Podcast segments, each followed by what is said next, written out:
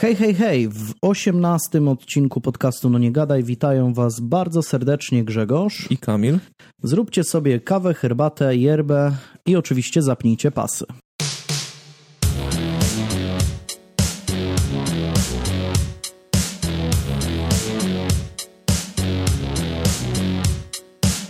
No tak, więc szczęśliwy dzień. Póki co Dawid Kubacki jest na szczycie klasyfikacji turnieju czterech skoczni, więc no dzisiaj będzie, będzie dalszy, dalszy ciąg zmagań, więc e, nie wiadomo jak się to skończy. No Dlatego ale... nagrywamy wcześniej. No tak, nagry... nagrywamy, nie wiem czy się wyrobimy na skoki, ale ale no, może, Będziemy być, może być ciężko, ale zobaczymy. No, no najwyżej będzie taki, taki na szybko tylko. na szybko tak przelecimy, przelecimy nasze tematy, żeby zdążyć na skoki, albo chociaż na, na Polaków, żeby zdążyć. E, no bo to tam jakiś tam Mackenzie Boyd Klaus, to kto tam, kto tam ogląda go. Ale jeśli chodzi o rzeczy e, poza kryminalne, coś widziałeś, coś czytałeś? Obejrzałem ten sezon You, który mówiłem na ostatnim odcinku, że, że obejrzę. I trochę zmieniam zdanie. To nie przez to, że ktoś powiedział, że You oglądają tylko gimnazjalistki. To nie przez to, broń Boże. Tylko ten drugi sezon wydaje mi się, że jest dużo bardziej dużo, dużo więcej jest tam tych niejasności, takich błędów logicznych, które jeszcze w pierwszym sezonie dało się jakoś tam uratować, to tutaj to jest naprawdę nieprawdopodobne, co niektóre, jakie rzeczy tam się dzieją i co niektórzy bohaterowie tam y, mają za decyzje i wybory. Jeszcze w pierwszym, w pierwszym sezonie wydawało mi się to w miarę spoko, ale było, bar, było nielogicznie, ale było bardziej logicznie niż, niż tutaj. I wydaje mi się, że ten pierwszy sezon to był trochę jak, jak piła ten film kiedyś, że oglądało się piłę i mówiłeś, kurczę, fajny film, fajny, fajny, fajny pomysł na, na zaangażowanie, wiesz, yy, widza w tą, w, tę, w tą całą historię. To jednak drugi sezon już, drugi sezon, drugi, drugi film i kolejne części już były takie wtórne i, i ja tego w ogóle nie oglądałem. I tak mi się wydaje, że tak samo jest z You, że pierwszy sezon był taki w miarę, bo był, było czymś nowym, tak drugi sezon powiela te, te schematy, jeszcze bardziej jakby wchodzi w takie horrendalne jakieś historie. Kurde, no nie, I źle nie, mi się to oglądało. Nie oglądałem, nie oglądałem w ogóle tego serialu, więc trudno mi się jakoś e, odnieść do, mm, do tego. Ale nie zmieniam zdania, że pierwszy sezon y, mi się podobał. Tak jak jedynka piła mi się podobała, a dwójka mi się nie podobała, tak i pierwszy sezon mi się podobał, a drugi mi się nie podobał. Mhm. Także jeśli chodzi o pierwszy sezon, cały czas jestem gimnazjalistką, a jeśli chodzi o drugi, to to może, może dorosłem przez, przez ten rok. No, y, jedynie, no niewiele seriali trzyma, trzyma poziom. jednym z niewielu jest Dynastia na pewno, że, no, że ten poziom jest utrzymany, utrzymany z sezonu na sezon. Mm, jeśli chodzi, jeśli chodzi o jakieś takie Netflixowe rzeczy i tak dalej, to, e, to chyba nie rozmawialiśmy w podcaście, tylko na grupie gdzieś tam wymienialiśmy się. Bardzo ciekawy film dokumentalny został um, opublikowany na Netflixie i to jest Don't Fuck With Cats. Widziałeś? Mhm. Znaczy nie widziałem, nie widziałem go. Widziałem tylko dyskusję na, na naszej grupie. No film, film, jest, film jest ciekawy, chociaż nie wszystkie, nie wszystkie aspekty tej, tej sprawy zostały tam e, poruszone. E, co ciekawe, okazuje się, że można, można się mm, więcej dowiedzieć o tej sprawie z materiału na temat Luki Magnoty, który zrobiła Jaśmin z kanału stanowo niż z tego dokumentu, ale dokument jest fajny, dokument jest pokazany z punktu widzenia ludzi, którzy poszukiwali tego gościa, mm, po prostu takich ludzi on jest bardziej nakręcony właśnie pod kątem tego poszukiwania tak, jego, a nie jego tak, samego. Tego, nie? tego, jak oni tam przeglądali zdjęcia jego, próbowali wykryć, e, w, gdzie mieszka, w jakim kraju, później w jakim mieście, później gdzie dokładnie i tak dalej. I... To bardziej to jest opis ten właśnie tej takiej cywilnej obławy tak naprawdę i łapania tego gościa. Tak, w dużej, w dużej mierze tak. Są tam też dość brutalne materiały, mm, gdzie mm, ręczone są zwierzęta, więc jeśli ktoś jest wrażliwy akurat na tym punkcie, no to no to, no to lepiej, żeby chyba sobie pominął ten, ten serial. Ale, ale materiał, jest dość, materiał jest dość ciekawy. Mm, fajnie, fajnie to jest pokazane, jak ludzie dzięki no, takim podstawowym, e, podstawowym narzędziom jak Google Maps czy po prostu wyszukiwarka są w stanie znaleźć gościa, który, który no, no jest groźny i niebezpieczny, więc więc to jest jedna rzecz z polecanek. Druga to mm, Dracula się pojawił chyba. No to niedawno jakoś, nie? Teraz jakoś w ten weekend. E, I to jest e, taki mini, mini serial. E, zrobiony chyba przez BBC, ale, ale jest, na, jest na Netflixie. E, nie skończyłem go jeszcze oglądać, ale zapowiada się bardzo dobrze. Przynajmniej ja mam takie wrażenia póki co, że jest, że jest dobrze. Na pewno, nie wiem, w kolejnym, w kolejnym odcinku, jak, e, jak będę już po seansie całości, to, e, to, to podzielę się wrażeniami. Póki co jest fajny, chociaż podejrzewam, że nie wszyscy to kupią, no bo, bo jest w takim stylu trochę takich e, momentami kiczowatych horrorów, takie są momentami klimaty odwołania do tych starych no to, to filmów o, o, o, o hrabi Drakuli właśnie w takim stylu, wiesz, lekko kiczowatym, lekko takim przerysowanym i tak dalej. Jedni to lubią, drudzy nie. Ja na przykład bardzo lubię takie klimaty takich horrorów klasy B, C i D, więc, więc mnie, to, mnie to jak najbardziej pasuje. W ogóle ostatnio jest pik na te seriale, takie te mini seriale. Szczególnie jak już później wyszedł Czarnobyl, ale wcześniej Making też zrobiło, nie? Robotę, bo to też było taki dokumentalny trochę mini serial. Making a Murder? Tak, tak, tak. Mhm. I, tak. I w ogóle te miniseriale teraz naprawdę mają, mają, mają swój, swój pik. I często one wychodzą gdzieś się tak, no to, to i, jest, i, robią robotę, nie? To jest, e, to jest bardzo, bardzo fajna forma moim zdaniem. Mhm. Ten Dracula chyba ma trzy odcinki po 90 minut? Chyba coś takiego. No. Więc moim zdaniem to jest dobra, dobra koncepcja, dobre, dobre y, dobrze jest to, jest to rozłożone, bo niektóre historie ani się nie nadają na film, bo wtedy wychodzi mhm. coś takiego jak Irlandczyk, czyli 4 godziny siedzenia przed telewizorem, albo albo, nie na taki długi albo, serial, albo nie? wychodzi rozwleczone coś i nie wiem, masz tam w sezonie przyjmijmy 10 odcinków, z tego 3 są takimi totalnymi fillerami, gdzie się nic nie dzieje i... Wtedy, wtedy najlepszy jest mój sposób oglądania seriali. Tak, tak, tak, no.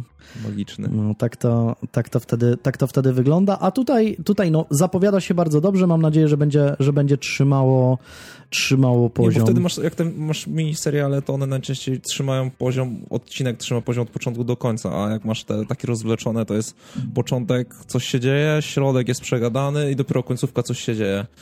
No, A ten i dość, środek dość jest taki, szybko... że mogłeś, możesz sobie na telefonie siedzieć i tak naprawdę wiele nie no, stracisz. No, I dość szybko, dość szybko dostajesz e, jakąś taką zwartą historię, nie? A, a nie, że przez połowę sezonu tak naprawdę nie wiesz, czy to będzie coś wartego oglądania, czy nie, bo czasami masz coś, co się fajnie zaczyna, później masz pięć odcinków, a na koniec finał jest jakiś beznadziejny i w ogóle bez sensu, nie? No, musisz dużo więcej tego czasu spędzić gdzieś tam, dużo bardziej się zaangażować w tę historię, a nie zawsze jest warto, więc więc Dracula, Dracula jest, e, póki co jest fajny, zobaczymy, czy, czy będzie e, czy będzie dalej też tak ta, na takim samym poziomie.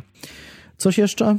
Planszóweczki wczoraj sobie pykaliśmy, nie, nie, wiem, czy możemy... No Rising Sun możemy polecić na pewno. Tak, no ja Rising Sun bardzo, bardzo lubię. W ogóle jestem fanem gier e, Erika Langa, więc no czekam teraz na tę grę, która ma wyjść w tym roku um, w świecie Cthulhu.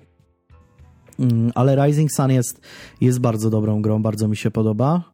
No, taka strategia z wieloma mechanikami, z wieloma możliwościami e, dojścia do, jak, jak, dojścia do zwycięstwa, więc, więc to, jest, to jest ciekawe. Plus ta, ten klimat, moim zdaniem, e, tej w Japonii jest odczuwalny, że to nie jest tylko taki e, taki teoretyczny tylko klimat, tylko odczuwasz faktycznie to, że, że to wszystko się gdzieś tam dzieje w Japonii. W ogóle przynajmniej... ten, ten, ten temat feudalnej Japonii też ma taki swój pik, nie? Bo nawet w gierkach to gdzieś to Sekiro, to Ghost of Tsushima teraz mm -hmm. powstanie, tak, masz tak, te Rising tak, Suny. No. To, to, też, to też, też robi robotę no. w tym momencie. No teraz, teraz jest chyba, jest to, ogóle, chyba jest to modne, aż mnie dziwi, że Ubisoft się nie zdecydował na zrobienie tak, najnowszego Assassin's Creed'a. pasował idealnie. W, moim nie? zdaniem pasował doskonale. Mm. I ci Znaczy w sumie ludzie, jeszcze nie wiadomo, co... czy to się skończy na Ragnaroku, bo to, jest, to są plotki. No, ale wydaje mi się, że wydaje mi się, że to jest już, no, nawet jeśli nieoficjalnie potwierdzone, Tylko wiesz, te to plotki już były już gdzieś z pół roku stronę. temu i od tego czasu nic nowego się nie pojawiło. Najczęściej jak jest plotka jakaś, pojawi się gdzieś pół roku wcześniej, to z czasem ta plotka narasta do coraz jakiejś bardziej, no, wiesz, ogarniętej wieści.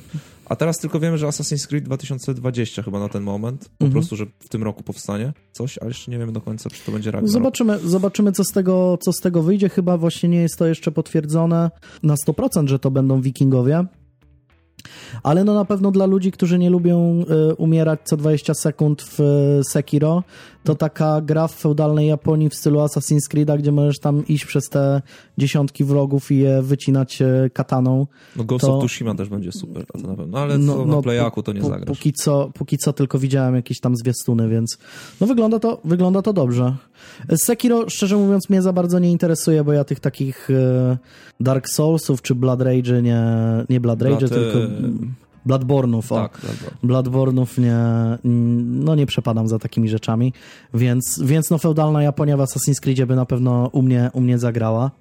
Zobaczymy. Podejrzewam, że to prędzej czy później się pojawi. Okej, okay, no to chyba, to chyba wszystko, jeśli chodzi o, o bajdurzenie i możemy, możemy chyba przejść do naszych spraw.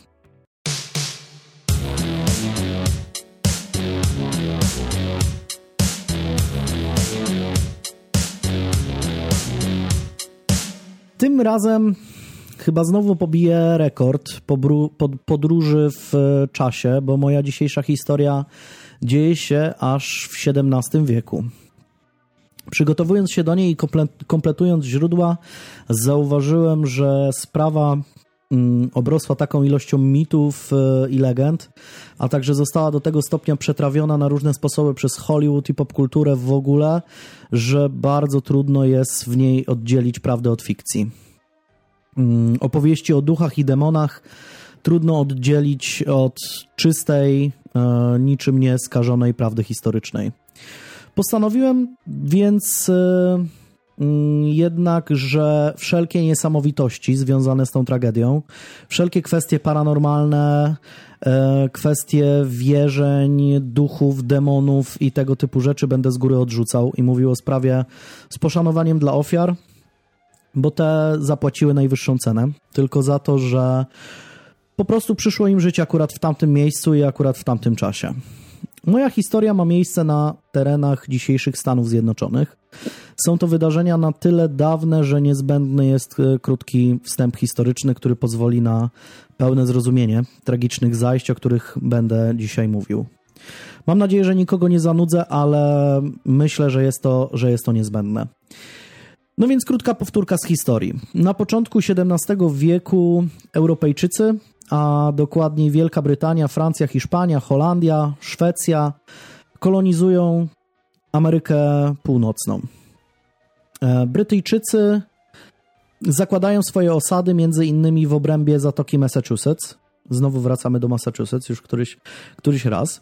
E, w 1620 roku przez purytańskich separatystów poszukujących wolności w praktykowaniu swojej religii zostaje założona kolonia Plymouth, która jest uważana za kolebkę amerykańskiej kultury i folkloru. To właśnie tam między innymi narodziło się święto dziękczynienia, które jest teraz no, jednym z takich typowych świąt amerykańskich. Na północ od Plymouth, 8 e, lat później, powstaje kolejny twór, mm, nazwany kolonią Zatoki Massachusetts. E, I ta ustanawia coś na rodzaj własnego rządu. Jest taka bardziej, powiedzmy, zorganizowana. Pomimo tego, że Oczywiście wciąż znajduje się teoretycznie pod angielską kontrolą. To nie jest tak, że to jest e, jakaś niepodległa osada, jak, e, jak Asterix i Obelix. To, to decyzje na jej temat zapadają na miejscu. Mają taki swój jakby własny rząd. Pozwala im to na oparcie życia codziennego na zasadach właśnie purytanizmu i praktycznie odcięcie się od brytyjskiej korony. W 1641 roku powstaje nawet e, kodeks, o nazwie Massachusetts Body of Liberties, który jest zbiorem obowiązujących w kolonii praw. Umieszczona jest w nim m.in. hierarchia przestępstw. Te wymienione są w kolejności od uważanego za najgorsze. No i uwaga, listę otwiera bałwochwalstwo, a dalej znajdują się czarownictwo oraz bluźnierstwo. Dopiero później znajdziemy morderstwo, trucicielstwo, a także zoofilię. Wszystkie te przestępstwa miały być bezwzględnie karane śmiercią, zgodnie z zapisami prawa w biblijnej księdze wyjścia. Pozwala to mniej więcej zrozumieć, jakimi wartościami, y, wartościami kierowali się osadnicy, a także upewnić się w przekonaniu, że pewne kwestie traktowali śmiertelnie poważnie, nie odróżniając na dobrą sprawę przestępstwa od grzechu.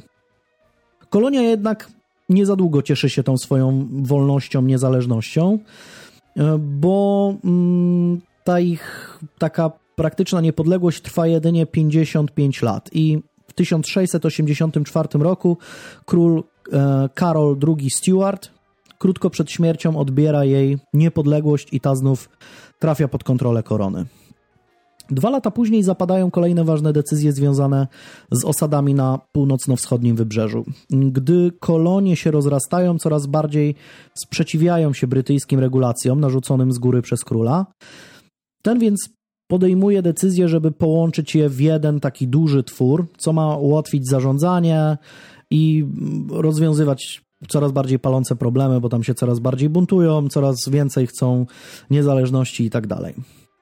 W 1686 roku zapada więc decyzja króla Jakuba II Stuarta, by zebrać kolonie Zatoki Massachusetts, kolonie Plymouth, a także inne, y, kilka innych osad w jedno duże terytorium pod nazwą Dominium Nowej Anglii. To się mm, tak chyba po polsku nazywa, po angielsku to się nazywa Dominion of New England.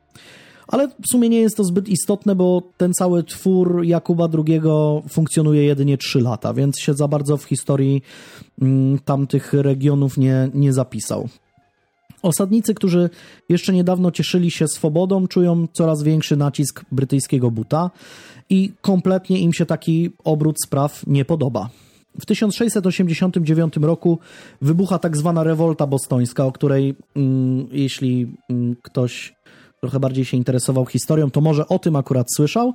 I podczas tej rewolty bostońskiej znienawidzony przez purytanów, narzucony przez Anglików gubernator Edmund Andros zostaje aresztowany, a dawne władze mm, wracają na swoje miejsce i znów kolonie mm, cieszą się powiedzmy jakąś tam niezależnością. Dopiero w 1691 roku decyzją króla Wilhelma III Orańskiego kolonia Zatoki Massachusetts zostaje połączona z kolonią Plymouth i razem z kilkoma mniej istotnymi terytoriami tworzą um, twór o nazwie Prowincja Zatoki Massachusetts. Co prawda w 1692 roku, w którym dzieje się historia, o której opowiem, nowe prawa świeżo utworzonej prowincji zostały już spisane kilka miesięcy wcześniej, ale zrobiono to w Anglii, więc nowy kodeks dopiero płynął statkiem do Ameryki razem z nowym gubernatorem. Prowincji więc teoretycznie obowiązują wciąż prawa purytańskie, w tym bezwzględny, oparty na biblijnych zapisach kodeks Massachusetts Body of Liberties, o którym mówiłem. I tutaj można w źródłach na przykład przeczytać, że pewien podróżnik e, mieszkańców tamtych rejonów wspomina e, w taki sposób, że tu cytat ani targu nie dobiją, ani żartu nie rzucą bez powoływania się na pismo.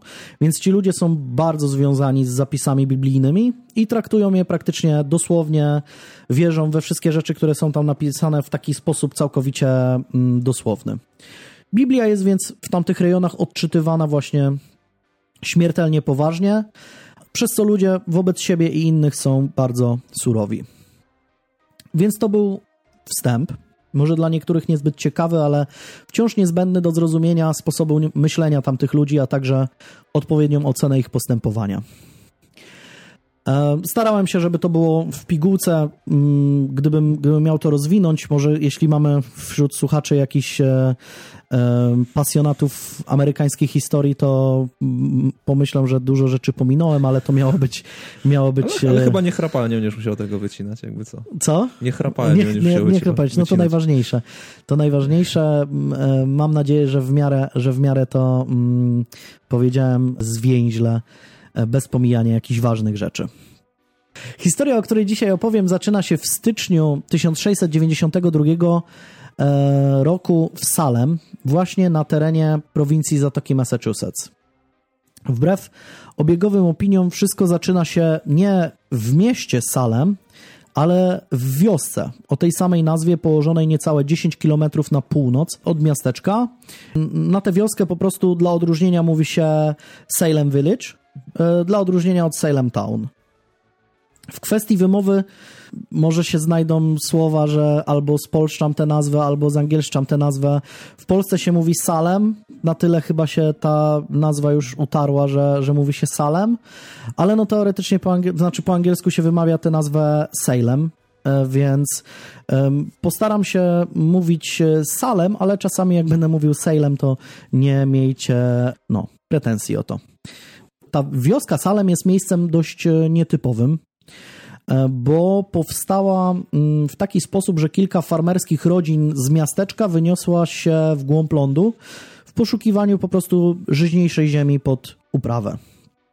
Taka konstrukcja społeczeństwa z dala od miejskiego ładu w sposób oczywisty prowadzi do kłopotów. Mieszkańcy osady praktycznie od samego początku są ze sobą skłóceni. Każda najprostsza nawet kwestia urasta do poziomu e, pokoleniowego sporu na śmierć i życie. I te spory bardzo często musi, mm, musi rozstrzygać osoba duchowna. A mm, pastor w wiosce często nie chcąc, y, to znaczy pastor chcąc, nie chcąc musi zawsze stanąć po czyjejś stronie, przez co jeszcze bardziej te konflikty tak naprawdę zaognia. Z tego też powodu pastorzy zmieniają się w Salem Village tak naprawdę co chwilę, zazwyczaj z tych samych powodów. Niezadowoleni mieszkańcy po prostu przestają wypłacać duchownemu należną pensję, nie wypełniają warunków umowy albo wchodzą z pastorem w niemożliwy do wybaczenia spór. Wtedy wyglądało to tak, że po prostu była wybierana delegacja wsi, i mm, ta delegacja udawała się, nie wiem, albo do miasta Salem, albo do Bostonu, znaleźć jakiegoś pastora i podpisywało się z nim umowę taką, że no wtedy ten kościół, e, tak jak, tak jak nie wiem, teraz to wygląda, nie, nie był zorganizowany w żaden sposób, tylko no ktoś po prostu był pastorem z zawodu i się podpisywało z nim umowę. Tak jak że... Wiedźmin popylał po tym, ja, po coś, no, pra... tak, tak pastor prawie, chodził. Prawie coś, prawie coś takiego, że się umawiano na konkretną pensję, na konkretne warunki Taki no, na dobrą sprawę tak. Nawet bardzo istotną rzeczą na przykład było to, e, ile wieś wydawała pastorowi drewna na zimę. Że jeśli w umowie było, że wieś będzie zapewniała pastorowi drewno na opał, no to też to było bardzo istotną kwestią w umowie i, i też bardzo często e, pastorzy z e, Salem Village się wynosili z ze swojej parafii, czy jak to tam się nazywa, e, wynosili się, bo na przykład nie, mm, mieszkańcy nie donosili tego, tego drewna i po prostu nie, pastor nie miał czym palić w, w, w piecu czy w kominku. E, od e, trochę ponad dwóch i pół roku pastorem w wiosce jest Samuel Paris. Mieszka na plebanii razem ze swoją żoną i trójką dzieci, dziesięcioletnią Betty, jedenastoletnim Tomasem i pięcioletnią Suzaną, a także siostrzenicą, 11 lub 12-letnią Abigail Williams oraz dwoma Indianami, którzy są niewolnikami oczywiście i służącymi. I jest to e, Indianka Tituba i jej mąż John. Niesamowite jest tak naprawdę, jak niewinna rzecz rozpoczęła te koszmarne wydarzenia, bo jest luty 1692 roku i dwie dziewczynki w domu pastora Parisa zaczynają się dziwnie zachowywać. Najpierw Abigail zaczyna odczuwać tajemnicze kłucie, a wkrótce po tym Betty zdaje się cierpieć na tę samą dolegliwość. Co ciekawe, objawy enigmatycznej choroby postępują. Dziewczynki czasami ni stąd, ni zowąd zaczynają krzyczeć lub piszczeć, a zaraz potem odbiera im mowę. Dostają też po pewnym czasie drgawek i stają się nadpobudliwe. Tracą czucie w kończynach, ich ciała obejmuje paraliż, a zaraz potem skaczą i kręcą się bez opamiętania. Momentami mówią też niezrozumiałe rzeczy, bełkoczą coś bez sensu i tak dalej. Próbują też wczołgiwać się pod stołki i szafy. Jakby tego było mało, skarżą się na to, że parzy je skóra, że kłują je niewidzialne szpilki i gryzą niewidzialne stworzenia. Odmawiają też modlitwy. Znaczy, odmawiają odmawiania modlitwy. Nie chcą trochę, odmawiać trochę modlitwy. też brzmi jak zespół odstawienia alkoholowego. Y, No, jest wiele teorii tak naprawdę, co się z nimi wtedy działo, ale oczywiście, no zaraz też powiem, co ci ludzie myśleli, co im się działo. Myślę, że jesteś w stanie zgadnąć e, mniej więcej, na co zostanie, mm, kto jest winny według tych ludzi, tym wszystkim zachowaniom. Jezus Chrystus? E, nie do końca, znaczy, no, Jezus Chrystus albo, Ale trochę albo jego wrogowie. Jego, albo jego wrogowie. Wieść o dziwnym zachowaniu dziewczynek szybko roznosi się po wsi. Do domu pastora szybko schodzą się prawie wszyscy mieszkańcy wsi. Śpiewanie psalmów, modlitwy i gusła odprawiane nad dziewczynkami nic nie dają, więc pastor w końcu wpada na doskonały pomysł, bo wzywa lekarza. Inteligentny pastor. No, wyjątkowo inteligentny, ale należy pamiętać, że medycyna w tamtych czasach, a zwłaszcza ta praktykowana przez lekarzy bez wykształcenia uniwersyteckiego, a takich było najwięcej, nie różni się wiele od tej, która była stosowana w starożytnej Grecji. Bo wystarczy nadmienić, że leki przepisywane przez ówczesnych medyków składają się z takich cudowności jak żucza krew, lisie płuco, serce delfina albo róg jednorożca. Ówcześni znachorzy są zachwyceni też fantastycznym działaniem tłuszczu wytopionego z opiekanego jeża i ten ma doskonale leczyć na Ale, przykład zacz, ale olej z rekina na przykład? Olej z rekina jak naj... no. Słyszałem, że jest, że jest super, ale nie wiem na ile może być skuteczny róg jednorożca. To, to też nie wiem. Na epilepsję dla odmiany przepisuje się wypieczony krowi gnój i sproszkowaną żabią wątrobę. Też nie wiem na ile krowi gnój może działać na epilepsję. Ale ciekawe w jakim Myślę, że umiarkowanie. well, well done. Well done. Tak.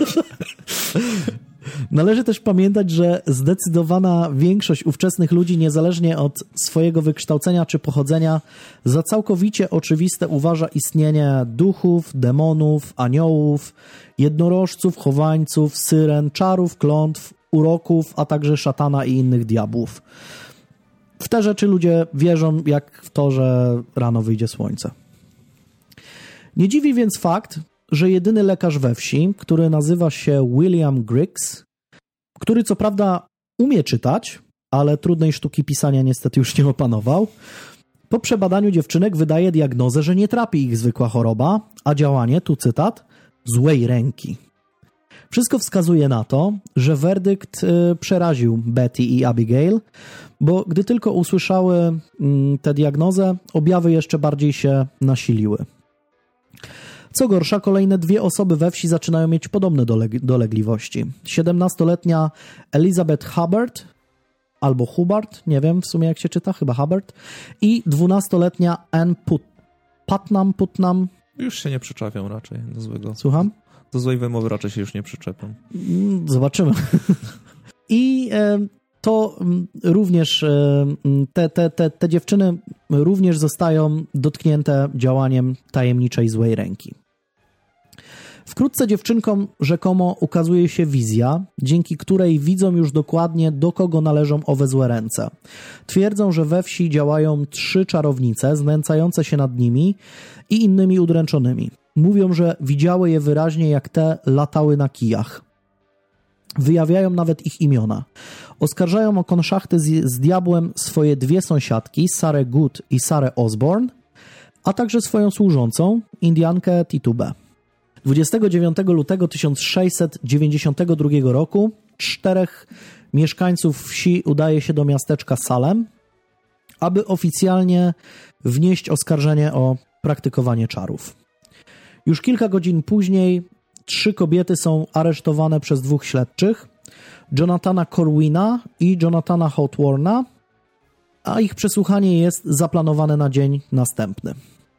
Oskarżone nie mają ze sobą na dobrą sprawę nic wspólnego, poza tym, że naruszają w jakiś sposób surowe normy społeczne przyjęte w purytańskiej społeczności. Sarah Good w momencie aresztowania ma 38 lat. Nie miała dotychczas łat- łatwego życia, więc mimo wciąż dość młodego wieku wygląda na dużo starszą niż w, w rzeczywistości jest.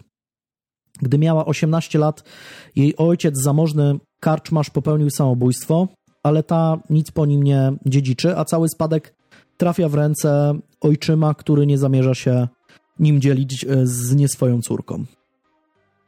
Gdy ma dwadzieścia kilka lat, umiera nagle jej mąż, po którym dla odmiany dziedziczy jedynie masę długów. Gdy wychodzi za mąż po raz drugi, niewiele się w jej życiu zmienia. Wraz z tym nowym mężem i swoją córką stają się lokalnymi żebrakami i wiodą na wpół włóczęgowski e, tryb życia. Przez co zdecydowanie nie są lubiani wśród mieszkańców Salem Village, bo ci cenią zaradność i pracowitość. Kobieta zresztą często miesza się z sąsiadami w jakieś pyskówki i kłótnie, co też oczywiście nie przysparza jej sympatii. Kolejna oskarżona, Sara Osborne, dla odmiany jest 49-letnią bogatą wdową, która zagarnęła spadek po swoim zmarłym mężu należącym do wpływowej w okolicy rodziny m, mm, tych e, Patnamów, Putnamów. Wbrew woli zmarłego pominęła swoich e, dwóch synów, którym ojciec zapisał w testamencie 60-hektarową farmę. Wraz z nowym małżonkiem, którego poślubiła krótko po śmierci poprzedniego, przywłaszczyła sobie gospodarstwo, co spotkało się też nie, z niezadowoleniem ze strony społeczności, a zwłaszcza rodziny tego pierwszego męża. Jeśli chodzi o um, Titubę, to wiadomo o niej tak naprawdę niewiele. Jednak e, badacze jej historii najbliżsi są wersji, że miała ona pochodzenie południowoamerykańskie i wraz z Samuelem Parisem przypłynęła do Massachusetts z Barbadosu, na którym on przedtem mieszkał i prowadził plantację trzciny cukrowej. Niewiele było trzeba, żeby kobieta znalazła się na, celow na celowniku oskarżeń, bo wystarczyło, że po prostu była obca i miała inny kolor skóry. Mimo, że Podobno była biegła w Piśmie Świętym, śpiewała psalmy i recytowała modlitwy w domu Parisów. W oczach społeczności ciągle była Indianką, poganką itd. Tak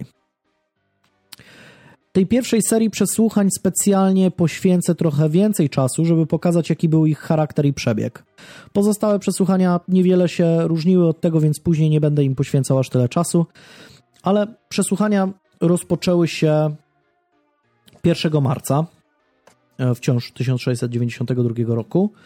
O 10 rano zaczęto przygotowywać się do całej akcji. Na początku e, przesłuchanie miało się odbyć w gospodzie, e, która była takim centrum wydarzeń we wsi, ale zainteresowanie gapiów było tak wielkie, że wszyscy przenieśli się do domu modlitewnego, który i tak podobno był zapełniony po brzegi. Przed amboną ustawiono stół, za którym zasiedli śledczy Jonathan, Cor Jonathan Corwin i John Hathorne. Obaj cieszą się szacunkiem w mieście Salem, ale nie mają jakiegokolwiek prawniczego wykształcenia. Zresztą żadna z uczelni w koloniach nie oferuje takiego, takiego wykształcenia. Pierwszą przesłuchiwaną jest Sarah Good. E, I muszę przyznać, że metody śledczych z dzisiejszej perspektywy mogą budzić gromki śmiech. Zresztą mm, posłuchajcie. Jeden ze śledczych zaczyna ni stąd, ni zowąd pytaniem, tu cytat, Saro Good, z jakim złym duchem się zbratałaś? Gdy ta odpowiada, że z żadnym, przesłuchujący zdaje się ignorować jej słowa, zalewa kobietę pytaniami: czy zawarłaś pakt z diabłem? Dlaczego krzywdziłaś tę czwórkę dzieci? Jaką istotę wykorzystałaś w tym celu? Kobieta oczywiście dalej wszystkiemu zaprzecza. Śledczy w takim razie wydaje polecenie, aby cztery dziewczynki, o których mowa, wstały i pyta mm, się ich, czy to ta kobieta was nękała. Wszystkie potwierdzają, że to właśnie ona jest winna ich cierpieniom. Na dowód tego zresztą wiją się i płaczą, wydają jakieś piski, krzyki i tak dalej. Śledczy więc znowu kieruje swoje pytania do kobiety. Saro Good, czy nie widzisz, coś uczyniła? Czemu nie chcesz wyznać prawdy? Czemu męczysz te biedne dzieci? Ta wciąż oczywiście zaprzecza, że ma jakikolwiek mm, związek ze sprawą. Śledczy jednak nie odpuszcza. Wielokrotnie wciąż i wciąż zadaje to samo pytanie: kto rzucił czar na dziewczynki? No więc kobieta, najwidoczniej zmęczona całym przesłuchaniem, pod naciskiem wskazuje palcem na drugą zatrzymaną, czyli Sarę Osborne, i zrzuca winę na nią. Mimo to jest, przez, jest przesłuchiwana dalej, śledczy bombardują, bombarduje kobietę kolejnymi pytaniami. Czyli znowu konfitura kolejna. tak, no, konfitura. No ale los y, Sary Good jest praktycznie przesądzony, gdy do głosu dochodzi jej własny mąż, który ją obciąża. i wypowiada się w taki sposób, to cytat, ona wroga jest wszystkiemu, co dobre. Twierdzi też, że ta ukrywa pod prawym ramieniem piętno czarownicy, czyli znak nakreślony przez samego szatana. Śledczym najwidoczniej mm, starczy to, co usłyszeli, bo na tym mm, kończą przesłuchanie kobiety i wysyłają ją do więzienia, mimo że tak naprawdę nie ma żadnych dowodów, że mm, praktykowała czary. Podobna nawałnica pytań czeka też panią Osborne. Ta też zaprzecza, że ma jakikolwiek związek z siłami nieczystymi oraz Sarą Good i Titubą. Protokoły z przesłuchania są tak chaotyczne, że aż trudno wyobrazić sobie tę scenę. Do głosu co chwila dochodzi ktoś inny, mieszkańcy przekrzykują się nawzajem i na sali panuje totalny bałagan. Trudno to w, jaki sposób, w jakikolwiek sposób porównać do dzisiejszych przesłuchań, które mają jakąś konkretną formułę i, i nie ma tak, że sobie może ktoś wejść na salę i nagle powiedzieć, że panie sędzio, tutaj ten chłop mnie, na mnie rzucił klątwę. No ale wtedy tak było. E, na dodatek rzekomo mm, opętanie czarną, opętane czarną magią dziewczynki wyginają się ciągle w konwulsjach i wydają z siebie jakieś dziwne odgłosy. Jednak największą niespodzianką jest przesłuchanie indiańskiej służącej rodziny Parisów, czyli Tituby. Ta przyznaje się do uprawiania magii, a także do tego, że tajemniczy siwowłosy nieznajomy dzień wcześniej kazał jej torturować dziewczynki. Jej zeznania są długie i barwne, przywołuje całą masę magicznych mocy i stworzeń, które rzekomo miały uczestniczyć w dręczeniu dzieci. Dziewczynki, które jeszcze niedawno szalały, piszczały i wyginały się, podczas histor historii Tituby siedziały cicho. Ta musiała po prostu chyba nawet je zaskoczyć swoją barwną opowieścią. Indianka twierdziła, że cały czas działała w porozumieniu z Sarą Good i z Sarą Osborne, a także, że razem z nimi latała do Bostonu i innych miast na kiju lub drągu.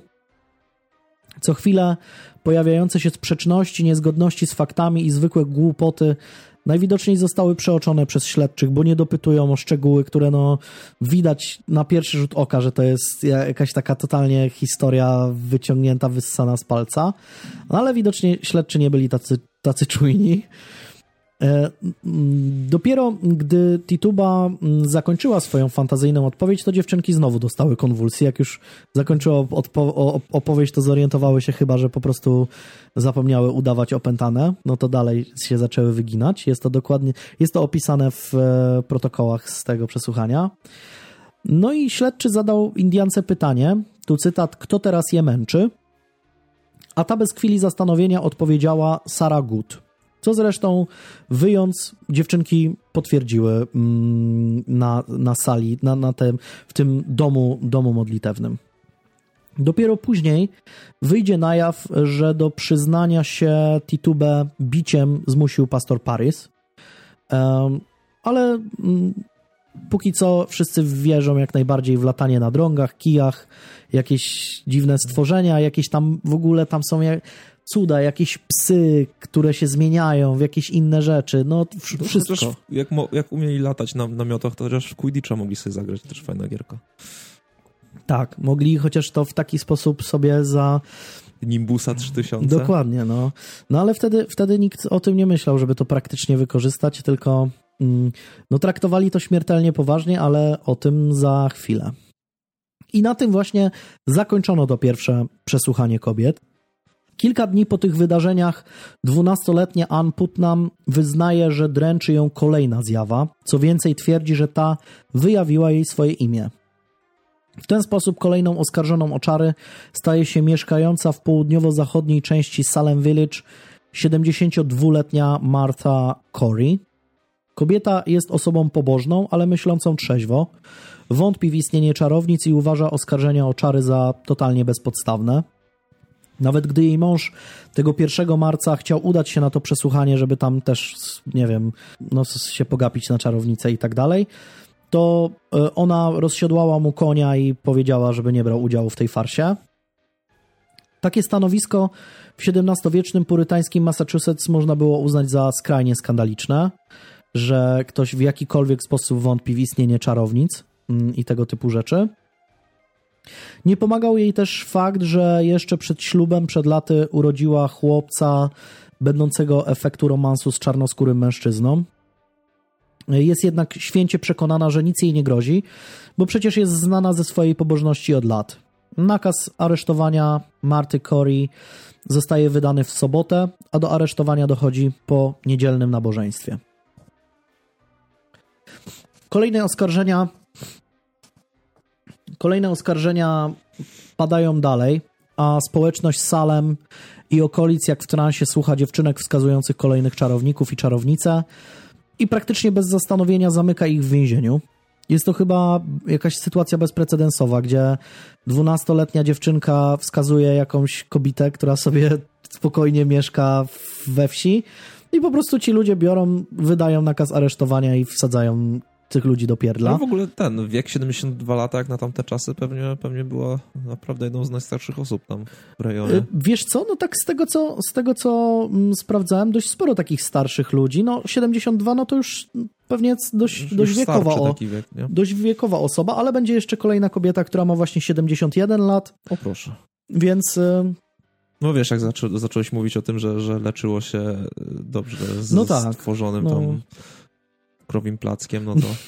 No sytuacja, sytuacja jest jakaś totalnie, totalnie kos kosmiczna.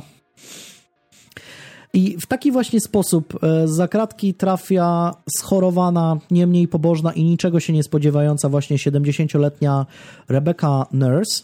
Tego to samego... też jest fajne, że ten, że ktoś uważa się za pobożnego, to mi nic nie grozi, nie? Spokojnie, jestem pobożny, to, no, to mnie, mnie nie zamkną. No tak, no tak, no. E, ale ale no, no, to jest właśnie najgorsze, że, że ta społeczność się zorientowała w pewnym momencie, że jak za kratki trafiają ludzie, którzy są całkowicie normalni, nie mają żadnych zatargów z prawem ani nic, bo na początku tam ta żebraczka, ta, ta mm, no, Indianka i tak dalej, ludzie, którzy gdzieś wychodzili przed szereg, no to tutaj zaczęli trafiać w końcu do więzienia ludzie no, całkowicie normalni, pobożni i tak dalej i dlatego społeczność się zorientowała, że jeśli już nawet tacy ludzie w, trafiają za kratki, no to, to, może tam, tam, to może tam trafić tak naprawdę każdy, nie? E, tego samego dnia aresztowana zostaje też Dorothy Good i jest to pięcioletnia córka oskarżonej przedtem Sary Good, więc totalna abstrakcja. Mała dziewczynka również podczas przesłuchań zaczyna fantazjować. Twierdzi, że ma do dyspozycji diabelskiego chowańca w postaci małego węża. Na potwierdzenie tego pokazuje śledczym czerwony ślad u nasady palca, który nie różni się niczym od ugryzienia pchły. Twierdzi, że tego stwora otrzymała od swojej matki, która jest czarownicą. W Salem od tego czasu zaczyna się totalna, absolutna histeria. Skoro tak pobożne kobiety, właśnie jak Marta Corey czy Rebecca Nurse, są czarownicami, to przecież może być nią każdy. Nagle wszyscy zaczynają być ofiarami prześladowań, świadkami magicznych rytuałów, yy, świadkami jakichś, nie wiem, przelotów kobiet na, na. Wtedy nie mówiono właśnie na miotłach, bo to się kojarzy z miotłami, wtedy mówiono, że czarownice latają drągach, na kijach tak? i drągach. Ale no po prostu prawie każdy widział coś, jakieś szatańskie rytuały i tego typu rzeczy. Ludzie oskarżają siebie nawzajem, nawet w obrębie rodziny mieszkającej pod jednym dachem. Bardzo dużo było oskarżeń, że mąż oskarżył żonę, żona oskarżyła męża, córkę, brata, syna i tak dalej. Więc no totalna paranoja. W kwietniu aresztowane są kolejne osoby. 65-letnia Sarah Cloyce i 41-letnia Elizabeth Proctor.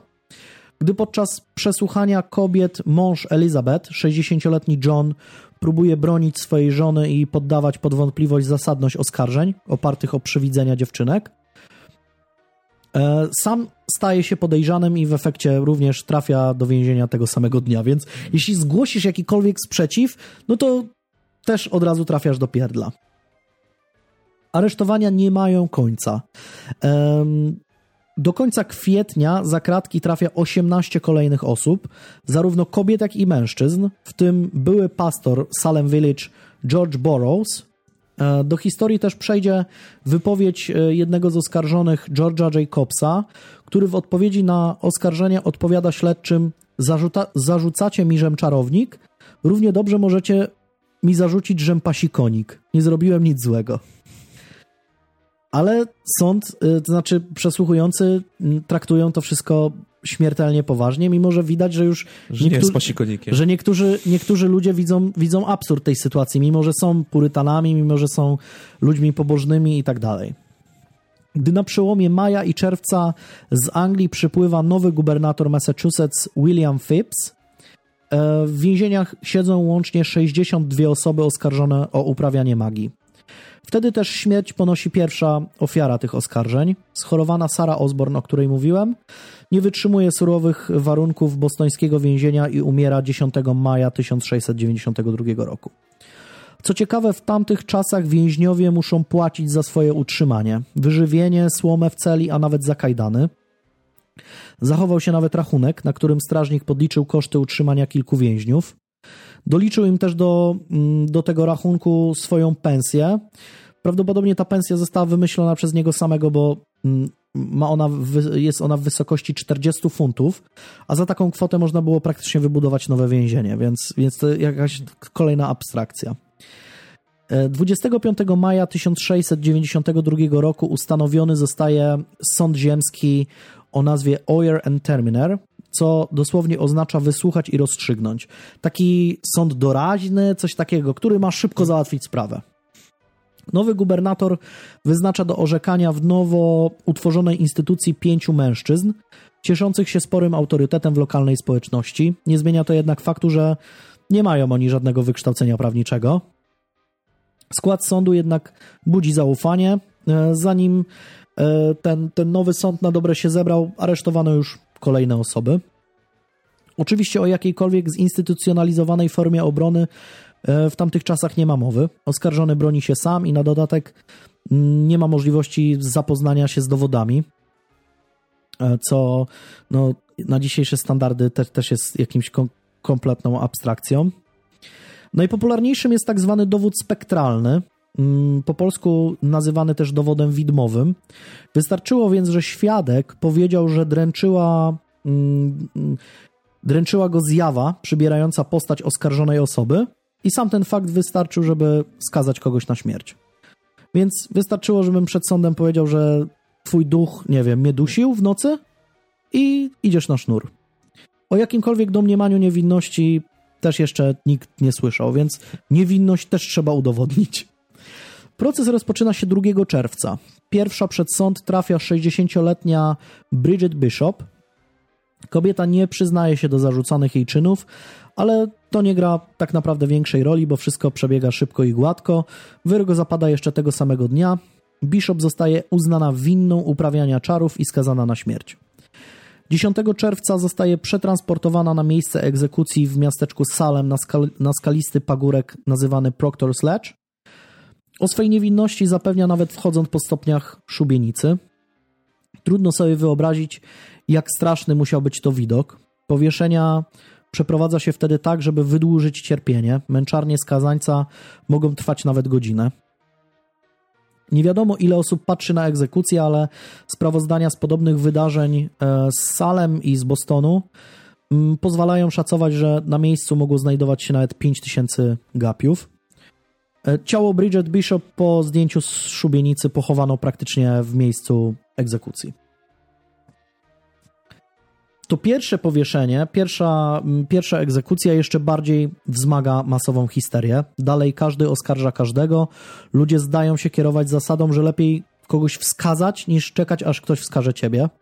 Dużo korzystniej z punktu widzenia prawa jest być opętanym, niż rzucić e, na siebie chociaż cień oskarżenia o opętanie kogoś innego. Ludzie którzy wykazują się jakimkolwiek sceptycyzmem co do polowania na czarownicę, od razu stają się podejrzanymi. Do więzień więc bez przerwy napływają kolejni ludzie oczekujący na sąd.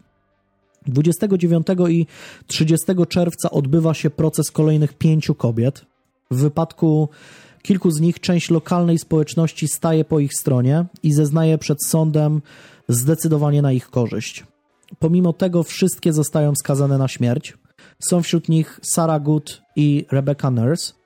Dramatyzmu procesu dodawały dziewczynki oskarżające m.in. Rebecca Nurse, która bliska była wybronienia się przed sądem, głównie dzięki zaciekłej walce jej męża o udowodnienie jej niewinności. Dziewczynki jednak zaprezentowały szpilki i gwoździe, które rzekomo zaklęciami czarownica wbiła im w dłonie i w wargi. Później okaże się, że część ludzi widziała, jak ukradkiem wyjmują je z kieszeni podczas rozprawy i same kłują się nimi po ciele, ale oczywiście nikt tego nie zgłosił, bo bał się mm, oskarżenia o współpracę z e, czarownicą. 19 lipca wszystkie pięć kobiet zostaje zaprowadzonych na szubienicę. Gdy wspinają się po jej stopniach, pastor Nicholas Noyce, biorący udział w egzekucji, zwrócił się do skazanych, by przed śmiercią w końcu przyznały się do winy. Do historii przejdą słowa, które skierowała do pastora Sarah Good. I tu cytat. Sarah Good powiedziała: Kłamiesz. Nie bardziej jestem wiedźmą niż ty czarodziejem. Jeśli odbierzesz mi życie, Bóg napoi cię krwią. Odwołując się do słów z biblijnej apokalipsy świętego Jana. No i co ciekawe, klątwa kobiety zadziałała, bo 25 lat później pastor Nicholas Noyce zmarł w wyniku krwotoku i dosłownie udusił się własną krwią. Od 2 do 6 sierpnia rozpoczyna się proces kolejnych czterech kobiet i dwóch mężczyzn, w tym małżeństwa proktorów. Georgia Jacobsa, a także byłego pastora e, Salem Village, czyli Georgia Borrowsa. Z kilkutygodniowym opóźnieniem przychodzą też do Massachusetts wieści o trzęsieniu ziemi na Jamajce, podczas którego w morskich odmętach zniknęła cała stolica wyspy, słynne Port Royal, wraz z prawie wszystkimi mieszkańcami. W purytańskich umysłach mieszkańców e, Salem pojawiła się więc myśl, że sprawcą kataklizmu jest szatan, który mści się za działania sądu. To jeszcze bardziej zmobilizowało sędziów do, do działania i su, surowszych i szybszych wyroków. No, brzmi logi logicznie. Oczywiście że, brzmi, oczywiście, że brzmi logicznie. Podczas procesu świadkowie są najbardziej wylewni podczas e, przesłuchania w sprawie pastora Borowsa. Uważają go za wielkiego czarownika, przywódcę wszystkich czarownic, który obiecywał za przejście na złą stronę miejsce na tronie w królestwie szatana. Znowu jakikolwiek opór czy próby obrony okazują się daremne. Cała szóstka oskarżonych mm, przez sąd zostaje uznana winnymi i skazana na śmierć. Dopiero po tym wyroku znajduje się kilka osób, które coraz bardziej widzą absurd polowania na czarownicę. Między innymi jednym z nich jest Robert Pike, który oczywiście na swój purytański i bogobojny sposób zgłasza swoje wątpliwości w napisanym 9 sierpnia liście do jednego z sędziów. Żeby nie było co do tego żadnych wątpliwości, zapewnia, że wierzy w istnienie czarownic, ale jednak pragnie zauważyć, że w Starym Testamencie pojawiają się one bardzo rzadko. Wierzy też oczywiście w diabła i jego potęgę. W swoim piśmie wytyka jednak błędy logiczne, a także fakt, że sąd coraz bardziej kieruje się przesądami, a nie chęcią poznania prawdy. Krytykuje też uznawanie dowodów spektralnych za jakikolwiek sposób e, istotny i podważa ich wartość. Uważa też, że zawsze lepiej jest uwolnić sprawcę niż powiesić osobę niewinną. Wydaje mi się to no, dość cennym spostrzeżeniem. Oczywiście wszystko to komunikuje w bardzo delikatny i zawoalowany sposób, pomimo tego, że nie ma pewności, czy Robert Pike otrzymał jakąkolwiek odpowiedź na swój list. Sprzeciw e, jego i kilku innych osób, które znalazły odwagę, odwagę by oprzeć się temu szaleństwu, przejdzie do historii. Nie zmienia to jednak faktu, że 19 sierpnia na szubienicy powieszonych zostaje pięć osób. Z życiem udaje się ujść jedynie Elizabeth Proctor, której egzekucja, egzekucję odłożono na późniejszy termin z powodu faktu, że kobieta jest w ciąży. Pomimo tego, że jej mąż także wnosi o odłożenie terminu egzekucji, by móc zobaczyć swoje dziecko, dla niego sąd nie jest łaskawy. Trzecia sesja sądu e, została zaplanowana na 6 września i miała trwać kilka kolejnych dni, bo tym razem wezwano aż kilkunastu oskarżonych. Planowano, że znowu wszystko pójdzie szybko i gładko, jednak gdy przed sąd trafia 80-letni Giles Corey, wszystko trafia szlak. Ten nie chce wymówić jednej z formułek wymaganych do przeprowadzenia procesu, przez co cała sprawa staje w miejscu. Sędzia William Stoughton na wszelkie sposoby próbuje przekonać oskarżonego do wymówienia słów, ale ten milczy jak zaklęty. Nie pomaga nawet groźba tortur. No i prawdopodobnie 17 września strażnicy wyprowadzili Gilesa z celi na zamknięte podwórze więzienia w Salem, rozebrali i kazali się położyć na ziemi. Położyli na jego ciało deskę, a na niej kamienie, w takiej ilości, żeby skłonić mężczyznę do wymówienia formuły. Ten jednak się nie ugiął, mimo że był torturowany w taki sposób przez dwa dni, aż zmarł. Niektóre źródła twierdzą, że cały czas krzyczał do więziennych strażników, by dołożyli więcej kamieni, a chwilę przed śmiercią przeklął Salem na wieki. Jak się okazuje, Giles Corey jest jedyną osobą w historii Ameryki torturowaną w taki sposób. W wyniku wrześniowych procesów 22 września powieszonych zostaje kolejnych 8 osób i są to na szczęście ostatnie ofiary polowania na czarownicę z Salem. 12 października gubernator William Phipps zakończył procesy i zakazał wydawania jakichkolwiek publikacji na ich temat. 29 października rozwiązuje też sąd Oyer Terminer. Mimo, że nowo utworzony w styczniu 1693 sąd wciąż wydaje wyroki, łącznie z wyrokami śmierci, gubernator Phipps e, decyduje o ułaskawieniu osób mm, oczekujących na egzekucję. W maju 1693 roku przychodzi do niego list od samej królowej Marii II, która żąda, by w Massachusetts ostatecznie i definitywnie zostały zakończone procesy o czary.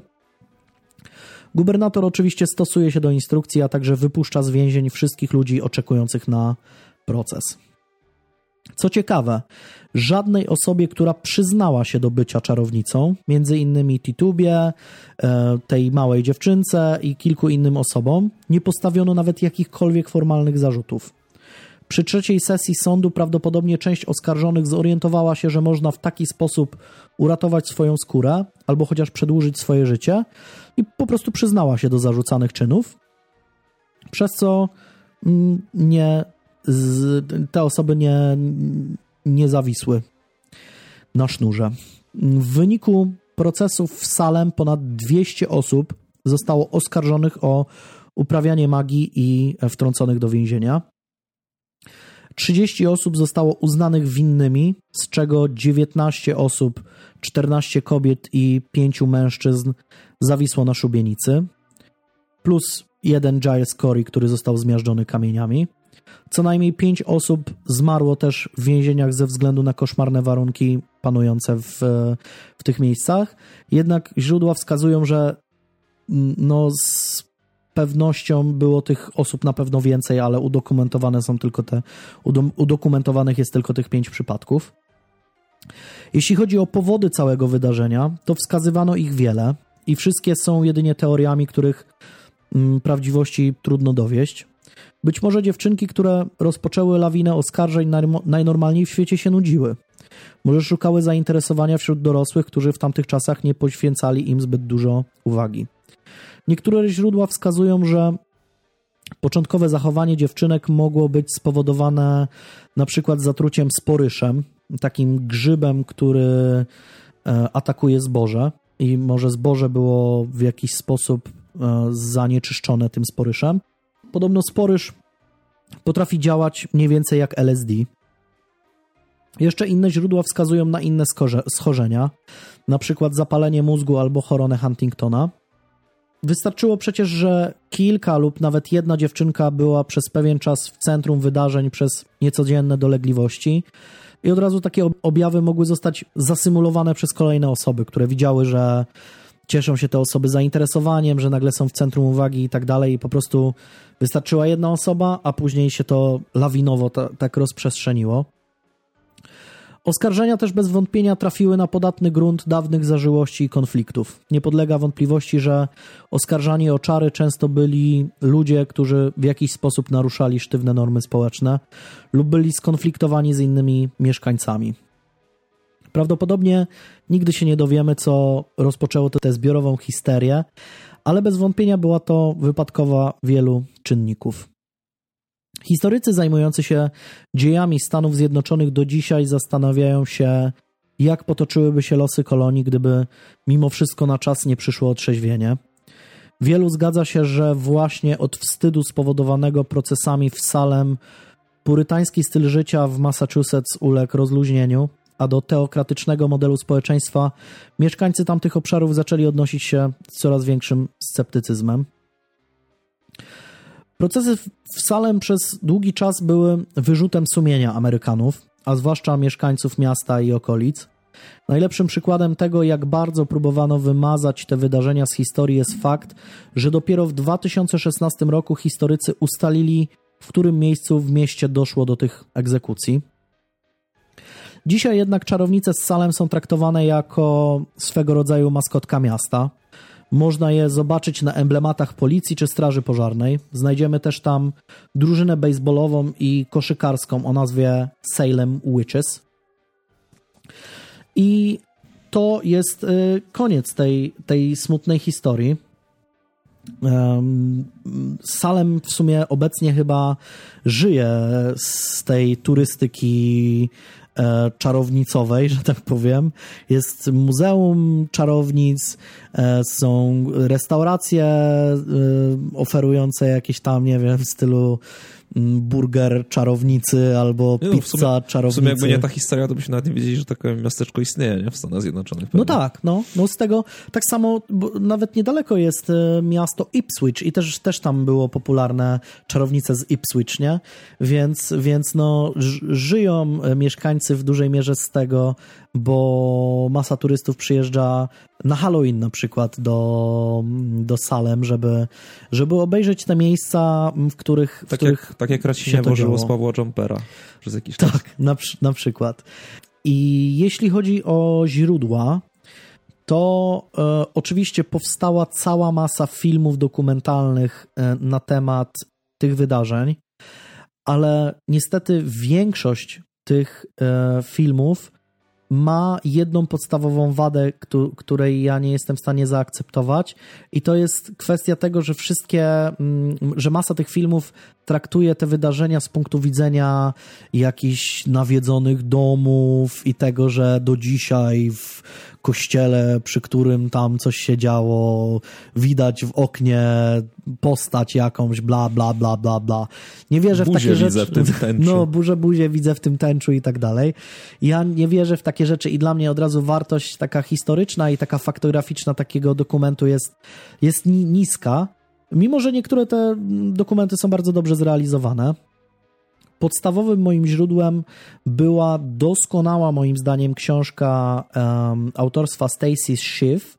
I to jest książka The Witches Salem 1692.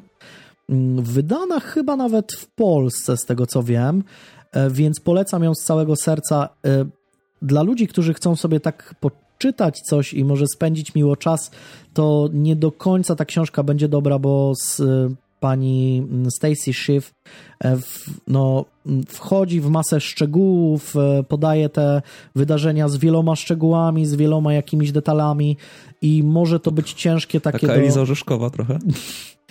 powiedzmy. I może to być trudne do przebrnięcia dla kogoś, kto chce po prostu sobie miło poczytać książkę, ale jako źródło to naprawdę jest to doskonała rzecz, bo tam jest masa szczegółów, masa, masa rzeczy, o których można, można poczytać. Mm, I, I masę rzeczy można się, można się tam dowiedzieć. Mm, to wszystko, to koniec mojej historii. Chyba to jest najdłuższa moja historia, jaką miałem dotychczas. Mam nadzieję, że Wam się podobała i teraz słucham Ciebie.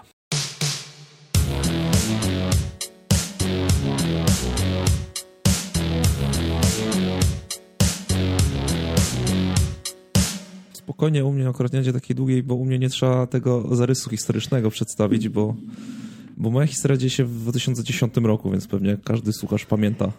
Pamięta 2010 rok, więc nie, nie muszę tłumaczyć, co się wtedy co się wtedy działo, ale akurat nie, nie, przenosimy się do Polski, ani do Rosji. O katastrofie smoleńskiej? Nie, nie, ja nie powiedziałem nic o tym.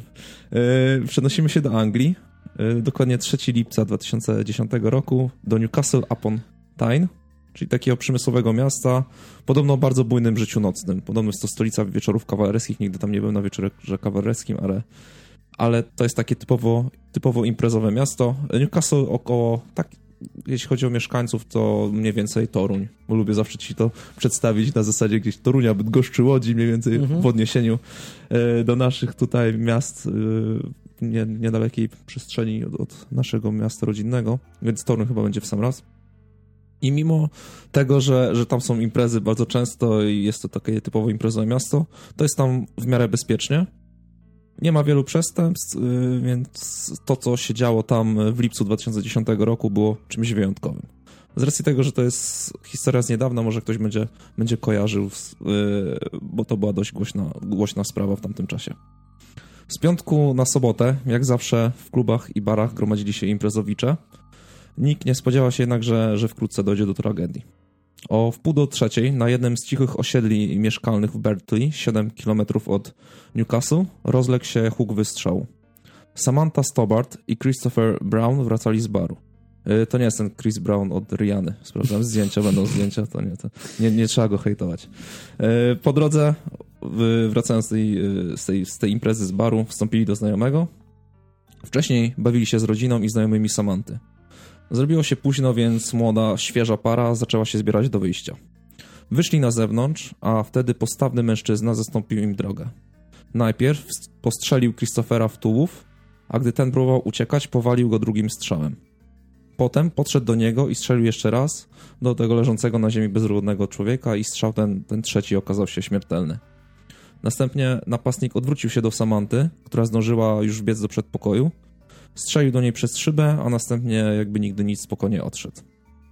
Czyli wynik jest taki, że jedna osoba zmarła, natomiast druga została ciężko ranna i walczyła o życie w szpitalu. Szybko udało się ustalić, że motywem zabójstwa są porachunki rodzinne, a sprawcą jest Raul Mout, były partner Samanty, który dopiero co opuścił mury więzienia. Sam Raul Thomas Mout urodził się 17 czerwca 1973 roku. Miał burzliwe dzieciństwo, od zawsze próbował ustalić, kto jest jego prawdziwym ojcem, bo, bo matka nie chciała mu tego powiedzieć. Miał dodatkowo problemy natury psychicznej, a, a sam Raul mówił, że tęsknił za za męskim autorytetem i normalnym życiem rodzinnym. Wychowywany był w sumie głównie przez, przez babcię, bo przez te problemy natury psychicznej mama rzadko była jakby y, w domu. Ale sam, sam mówił, że, że, że cieszy się z tego, że był wychowywany przez babcię, bo darzył ją bezgraniczną miłością. W wieku 24 lat, y, gdy matka związała się z mężczyzną, z którym on miał y, otwarty konflikt, ten zerwał jakiekolwiek kontakty z rodziną jeśli chodzi o taki, takie życie związkowe, to miał kilka nieudanych związków. E, ale nie ma jakichś w źródłach jakichś szczegółów na, na, temat, na temat tych związków, oprócz tego, że z jednego miał dwójkę dzieci. W roku 2004 poznał Samantę Stobart. Miał wtedy 31 lat i pracował jako ochroniarz w jednym z klubów w Newcastle. Samantha miała wtedy zaledwie 16 lat no jako taki bramkarz, to możesz sobie wyobrazić, to był taki kulturysta, nie? Chodzący w obcisłych koszulkach, ona taka, wiesz, ideal, idealna figurka, idealna kobieta, jeśli chodzi o figurę, czyli taka typowo dyskotekowa para. No i liczył, yy, że ona zapewni mu normalne życie rodzinne, o którym marzył, a którego nie doznał w dzieciństwie. Po pewnym czasie urodziła mu ona dziewczynkę, czyli Mold został ojcem i spełniało się więc jego marzenie o idealnej rodzinie. Jednak taki obraz był tylko z boku, y, bo tak jak w tych poprzednich jego związkach, ten Samantą stał się coraz bardziej burzliwy i opierał się na ciągłych kłótniach. Dlatego też te, te związki poprzednie były często nieudane, no bo kończyły się na, na kłótniach i, i burzliwych relacjach.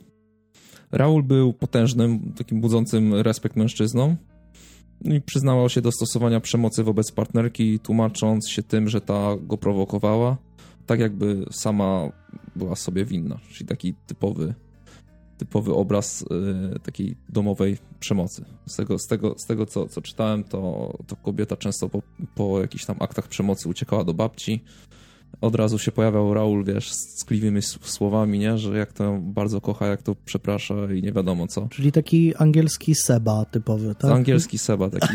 No ale wiesz, to, jest taki, taki książkowy, książkowy obraz tego cyklu przemocy w rodzinie, nie? Że tak, dzieje tak, się tak, akt, no. przeprasza, nie wiadomo jaki, wiesz, miesiąc miodowy, no ale za, za dwa miesiące, za, za miesiąc dzieje się to samo, mniej więcej i ich sześcioletni związek zakończył się w 2010 roku, gdy Mout trafił do więzienia za pobicie krewnego. Y, kobieta powiedziała Raulowi, że, że jej nowym partnerem od teraz jest, jest policjant. Raul wyszedł 1 lipca 2010 roku po przesiedzeniu 9 tygodni. Był załamany, że jego związek upadł, więc gdy wyszedł z więzienia, zaczął przygotowywać się do zabójstwa. Kupił obrzyn i amunicję, którą zmodyfikował tak, by zadawała jeszcze groźniejsze rany. Zwykły pocisk, ten śród ma okrągłe jakby mhm. Y, te kulki. On jakby wyjął te kulki i też korzystał z takich metalowych, z metalowych jakby części, które miały zaostrzone końce. Aha. Czyli nie były to, ten śród nie był taki, wiesz, y, okrągły, tylko jeszcze, żeby jakby zwiększyć ten, te, te obrażenia, no to, no to jeszcze zaostrzył te krawędzie. I 48 godzin po wyjściu z więzienia otworzył ogień tą bronią do, do Samanty, Stobart i jej nowego partnera Christophera Browna. Wyglądało to na akt zemsty, jednak Mold nie wyładował całej kipiącej w nim nienawiści i był to dopiero początek masakry. Biorąc y, Chrisa Browna na muszkę, Mold myślał, że strzela do funkcjonariusza policji, y, co okazało się, że nie było prawdą, bo Samantha okłamała Mouta, żeby go nastraszyć, bo liczyła na to, że będzie się od niej jakby trzymał z daleka, myśląc o tym, że jej nowy partnerem jest policjant. Okazało się to jednak niezbyt dobrym pomysłem, bo Mout od dawna nienawidził policjantów, a teraz dodatkowo poczuł się okradziony przez jednego z nich. No to jak typowy Seba też no, nienawidzi policjantów. Tak, dokładnie. E, uważał, że, że strusze prawa się za niego uwzięli. Zaczęło się od kilku niewinnych incydentów, był zatrzymywany za drobne przewinienia. No, policjanci się szepiają, nie? E, miał tego serdecznie dość. Mówił, że policjanci czekają na niego nawet na stacji paliw. Uważał, że go nękali, on się coraz bardziej wściekał. Popadał w paranoję. Obwiniał policję o upadek jego firmy, twierdził, że nie daje mu ona spokoju i za każdym razem w sumie, gdy coś mu się nie udawało, obwiniał za to policję. Y, z tego, co, co, co widziałem, yy, rozmowy na, na temat jakby psychologicznego aspektu tego, tego człowieka, to jeden z psychologów uznawał, że miał taką osobowość narcystyczną, że wszystko, wszystkie błędy jakby tłumaczył zachowaniem innych ludzi często to, co było jego błędem, to, to jakby zrzucał na, na garb policji. I tak samo było z tą Samantą, którą wiedział, że że stracił, no to nikt jej nie będzie miał, no bo jak on jest taką właśnie takim narcyzem typowym, no to jeżeli on jej nie posiądzie, no to nikt, nikt jej nie może mieć. Dlatego zastrzelił i Chrisa i, i ją. No i uznał więc, że jedynym wejściem, yy, żeby się odegrać na policji, jest krwawa zemsta. Niespełna doba po strzelaninie, Mold zadzwonił do kwatery głównej policji w Newcastle. I cytując: To ja strzelałem w Berkeley. Nazywam się Raul Mold. Dzwonię, żeby powiedzieć wam, dlaczego to zrobiłem. Moja dziewczyna miała romans z jednym z waszych ludzi. Tym, który wczoraj zginął. Za dużo się tego nazbierało. Idę po was. Ja wcale nie uciekam. Przez was straciłem wszystko. Nie chcieliście zostawić mnie w spokoju, to teraz macie. Zaczynam polowanie na policjantów. Kilka godzin wcześniej funkcjonariusz drogówki Dawid Rathband rozpoczynał nocną służbę. No, policja oczywiście postawiono w stan podwyższonej gotowości i wszyscy wypatrywali e, Raula Monta. Kilka minut po telefonie od Monta Dawid Rathband ustawił się w swoim ulubionym miejscu na ruchliwej autostradzie. Czekał i wypatrywał człowieka, którego szukała cała policja. No i na jego nieszczęście ten człowiek rzeczywiście się tam pojawił. Ravband nie wiedział, że Mout przesiadł się do czarnego Lexusa, gdyż wcześniej on porzucił, porzucił swój samochód, o czym policja jeszcze do końca nie wiedziała. Zauważył, że Dawid siedzi sam w radiowozie, no i postanowił się zatrzymać. Wysiadł z samochodu, zabrał ze sobą obrzyn i podszedł do zaparkowanego radiowozu. Gdy Dawid zauważył rysy postaci zbliżającej się do niego, po odwróceniu miał już przed sobą tylko potężnego mężczyznę mierzącego do niego z obrzyna z obciętą lufą. Nie zdążył pewnie wiele pomyśleć, zanim ten pociągnął za spust. Mołd dwukrotnie postrzelił funkcjonariusza w twarz, oślepiając na miejscu. Raul oddalił się z miejsca przestępstwa, a Dawid zaczął walkę o życie w szpitalu. Obawiano się, że to nie ostatnia ofiara prywatnej wandety i tej wojny skierowanej przeciwko policji przez Mauta. Kilka minut później znowu zadzwonił na policję. I tu znowu cytując, przed chwilą załatwiłem jednego z waszych obok ronda na zachodzie Newcastle. Nie przestanę, dopóki mnie zastrzelicie.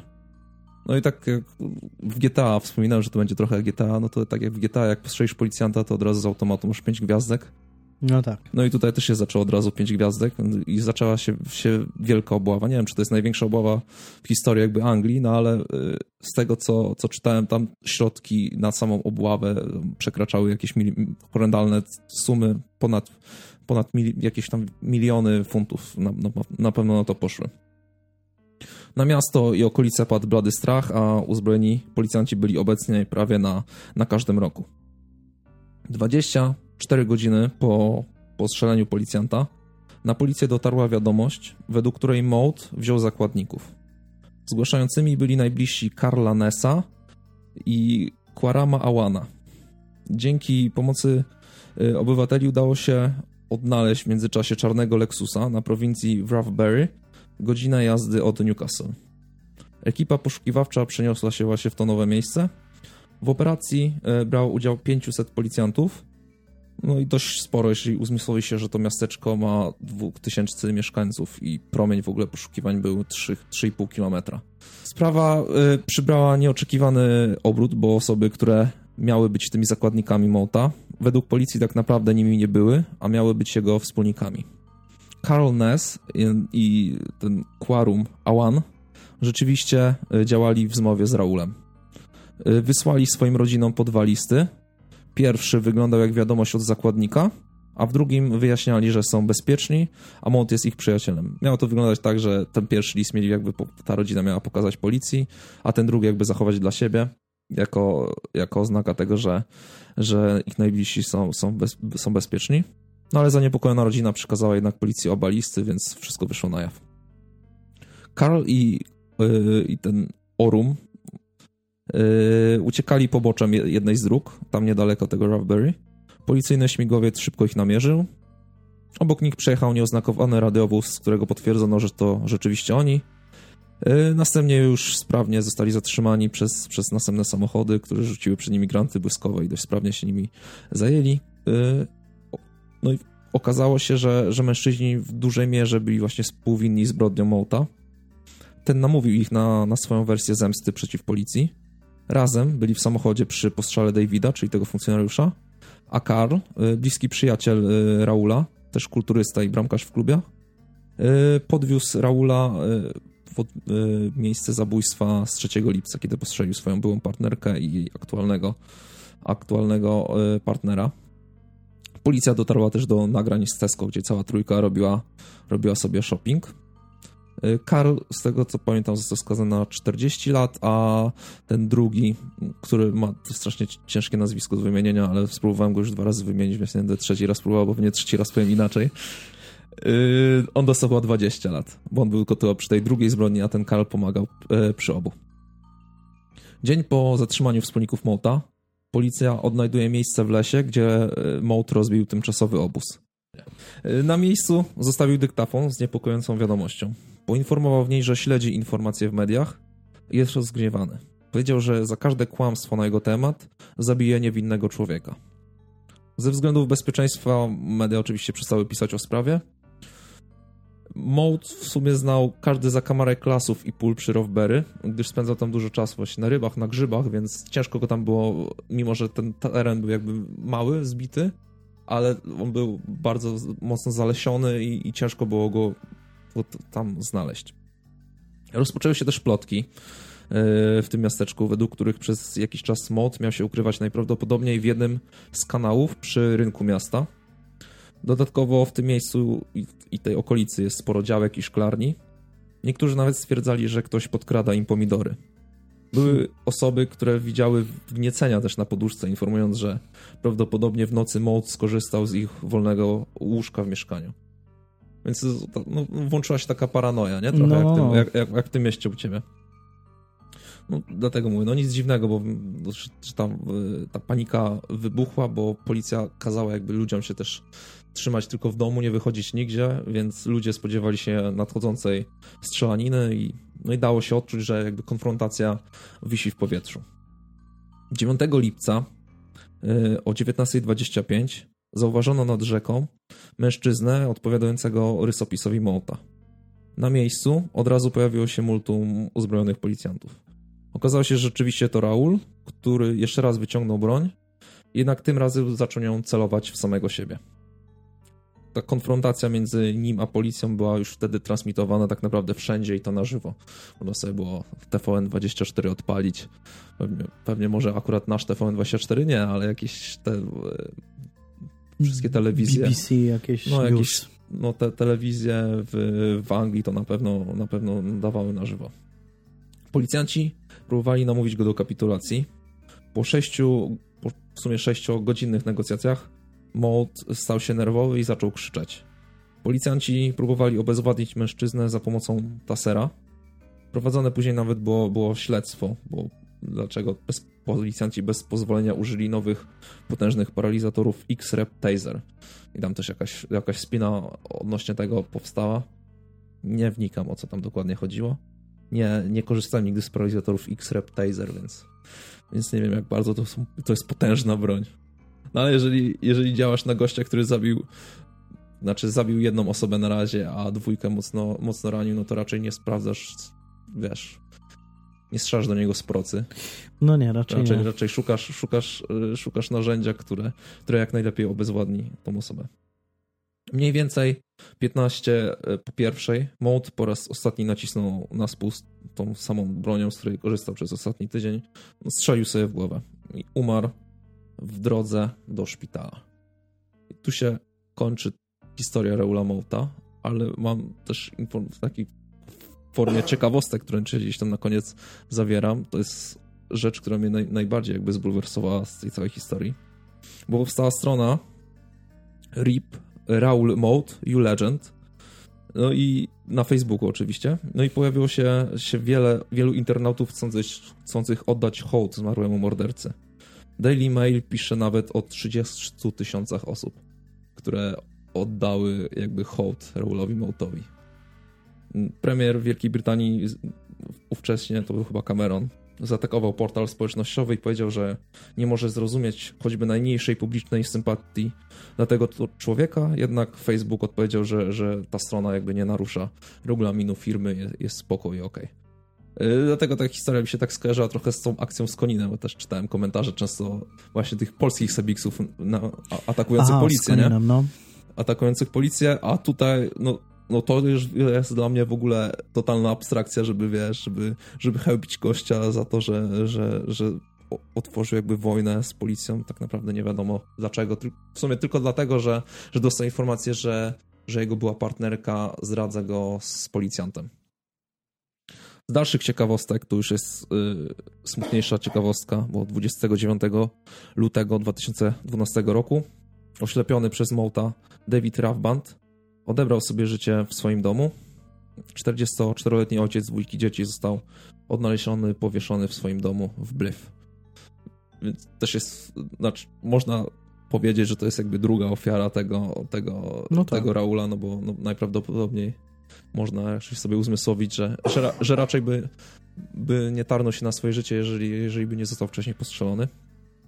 Z takich bardziej zabawnych y, anegdot, no to na końcu mam anegdotę o Paulu Gasconie. Kojarzysz tego piłkarza? Tak. No, bardzo, bardzo znany, znana postać. Tak.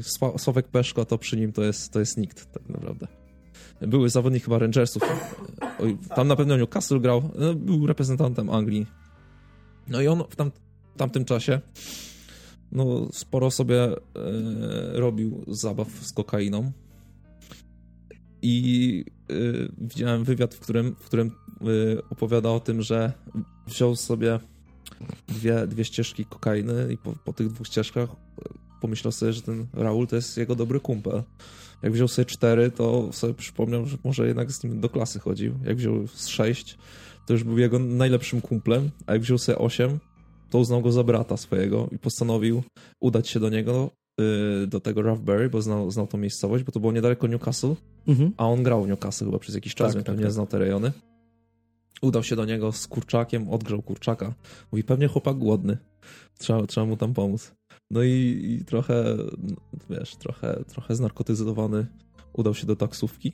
Wsiadł do taksówki, pojechał w to miejsce z kurczakiem odgrzanym elegancko żeby, żeby się dostać do niego i tam jakby, jakby mu przekazać, przekazać te kurczaki. No mhm. jednak policja go nie wpuściła nie z niewiadomych przyczyn do, do tego lasu. Ale historia jest ciekawa, nawet, nawet oglądałem jakiś tam jakiś program telewizyjny, w którym on to opowiadał. Bo on został w ogóle wtedy przez pismaków trochę zjedzony, tam dostał, dostał wiele, wiele, wiele jakichś tam SMS-ów i, i telefonów od różnych redakcji, żeby się wypowiedzieć na ten temat, no bo był widziany tam.